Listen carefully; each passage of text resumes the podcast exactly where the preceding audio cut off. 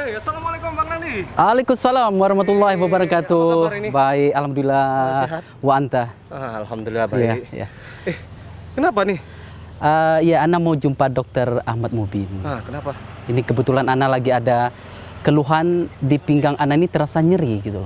Pinggang rasa nyeri. Eh, Ana khawatir ter- eh, ada ada ada yang kurang beres dengan apa sistem pembuangan ya atau apalah ya namanya kita Iyalah, ini benar. perlu konsultasi ya. Berarti sering sakit di sininya? Iya, Oh. saya sering merasa nyeri di pinggang saya ini sampai ke punggung.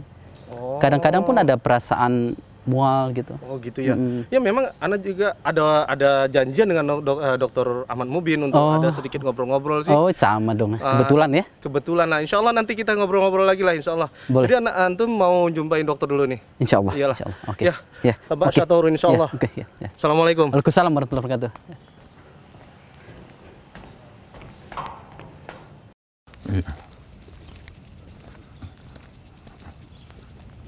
Jadi dok, tadi anak baru jumpa teman. Dia katanya Mhm. mau check up. Check up katanya ada ada sakit di belakang pinggangnya. Dia takut katanya itu salah satu apa tanda-tanda sakit ginjal atau katanya mau ada, mungkin ada batu ginjal. Oh ya. Setelah anak lihat-lihat apa anak pernah searching di internet batu ginjal dan batu kemih itu sebenarnya apa dok dalam dalam kedokteran sih? Ya, taib. Jadi batu ginjal atau batu saluran kemih merupakan bagian daripada urologi ya, di mana kelainan ini termasuk eh, gejala atau penyakit yang paling sering ditemukan eh, setelah eh, gangguan prostat yang ditemukan pada kaum laki-laki ya. gitu. Ya, biasanya keluhannya itu memang ada nyeri daerah pinggang ya. Ya, terus nyerinya itu kadang-kadang eh, tidak spesifik, tidak khas itu ya. Terus keluhannya itu biasanya kadang-kadang tidak jelas. Hmm, Nah, ya. Jadi setelah dilakukan pada saat medical check up ternyata sudah ditemukan batu di saluran kemihnya baik itu di ginjal atau di ureter atau saluran kemihnya ataupun kandung kencingnya. Oh. Nah, ini disebabkan kenapa? Kadang-kadang tidak mengeluh nyeri karena batu ginjal ini biasanya relatif tidak bergerak, gitu kan. Oh. Nah, jadi tidak terasa nyeri gitu. Sehingga eh, pada saat dilakukan pemeriksaan eh, ternyata ginjalnya sudah rusak atau tidak berfungsi lagi gitu. Oh, gitu. Ya, ya. Jadi Gitu. gejalanya pun kadang-kadang tidak disertai dengan nyeri ya. Iya, ya? bisa. Tapi Ah. begitu dilakukan suatu pengecekan Mhm. eh, baru baru ketahuan bahwa dia ada batu ginjal karena Iya. dia nggak bergerak. Ya. Tadi dokter kalau nggak salah saya Ana eh, menyatakan ada empat lokasi Hmm. Di ginjalnya, di saluran Kemihnya ureter, ureter. kandung kencing atau buli-buli ya. Oh, kuning- Kemudian di daerah kelaminnya Oh, daerah ya. kelamin juga ada, Ah, Dok, ya. Iya bisa timbul batu itu. Oh, jadi ada juga anak dengar itu batu ginjal tuh ada dibilang dok batu buli-buli juga karena di posisinya itu dok ya. Iya, posisinya di daerah kandung kencing gitu. Oke dok, itu kan masalah batu ginjalnya dok. Iya. Tapi yang paling sering terjadi, yang dokter alami selama selama menangani pasien, yang Hmm. sering keluhan-keluhan yang paling sering terjadi, itu apa dok dari pasien-pasien kita? Dok? Nah, ada pun keluhan daripada batu saluran kemih biasanya pertama nyeri daerah pinggangnya ya, daerah Daerah sini mana, Dok? ya, sini? daerah sini, ini sebelah kanan, sebelah kiri ginjalnya ya. Ini ini dok ya berarti. Iya, daerah ginjal ya. Oh. Terus nyerinya itu biasanya nyeri yang hebat, nyeri kolik namanya ya, nyeri yang timbul secara tiba-tiba disertai kadang-kadang dengan mual, muntah ya. Itu berarti kalau disertai dengan gejala tersebut biasanya batunya udah turun dari ginjalnya, turun ke daerah ureter ya. Ureter ya. Ya, biasanya gejalanya nyeri sekali itu. Hmm. Jadi perlu penanganan harus segera gitu ya. Jadi kalau sudah nyeri, Ya.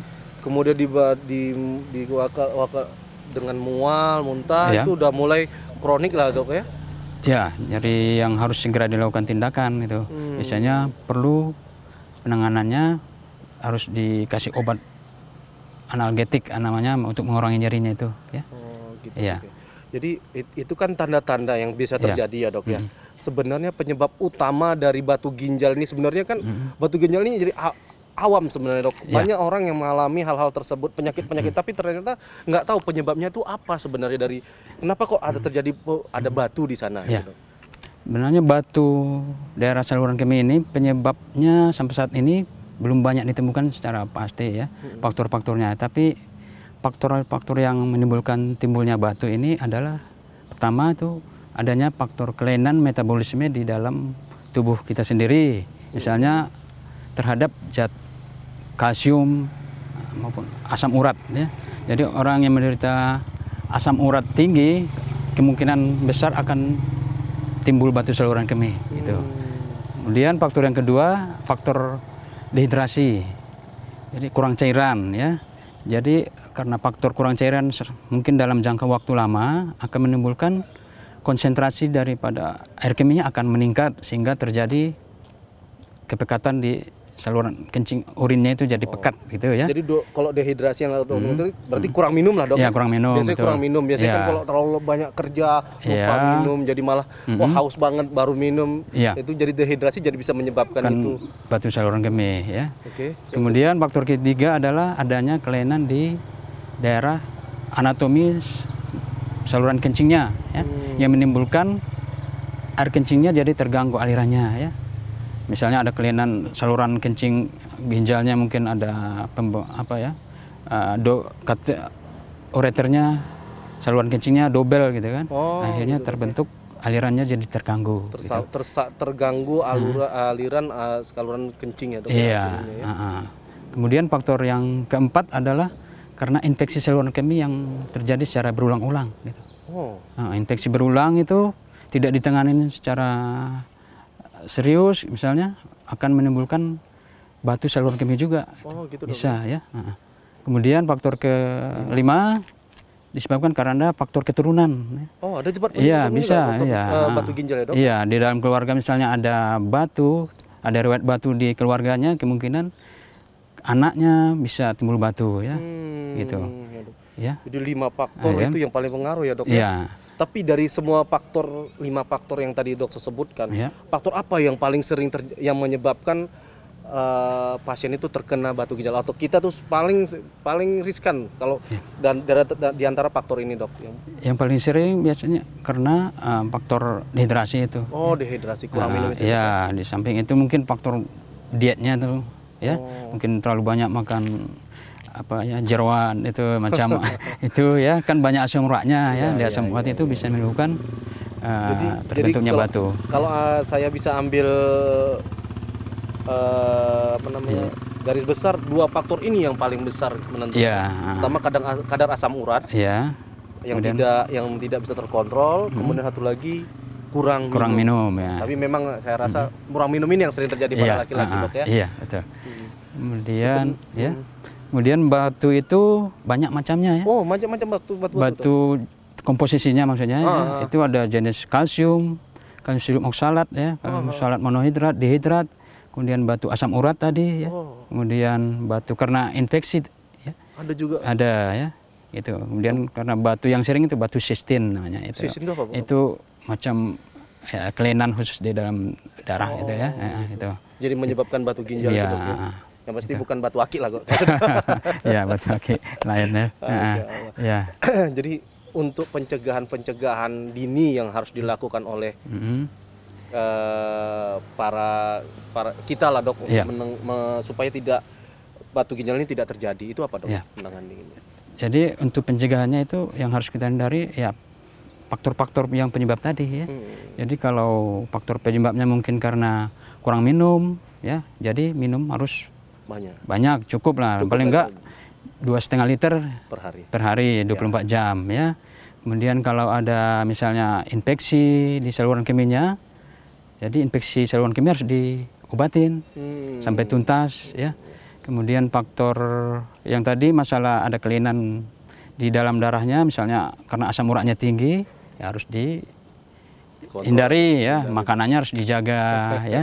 Kemudian tadi masalah eh, infeksi udah, kemudian masalah keluarga yang ada riwayat itu jadi kita harus sering medical check up lah misalnya per- periksa air kencingnya ya ada gejala ke arah batu atau enggak di tubuh kita gitu. Itu ya. Masya Allah. Jadi hal yang paling kalau kita sudah mencegah ternyata terjadi adalah batu ginjal. Ya. Itu kalau batu ginjal itu apakah memang harus dioperasi atau ada eh, alternatif lain dok untuk bisa membuang batu ginjal itu dok? Ya, untuk penanganan terapi atau pengobatan dalam hal batu ginjal ini ya batu saluran kemih, kalau batunya masih kecil, biasanya bisa dengan obat-obatan. Oke. Misalnya ukurannya kurang dari 5 mm ya, 5 mm. bisa dengan obat, dengan banyak minum, banyak gerak gitu tadi ya.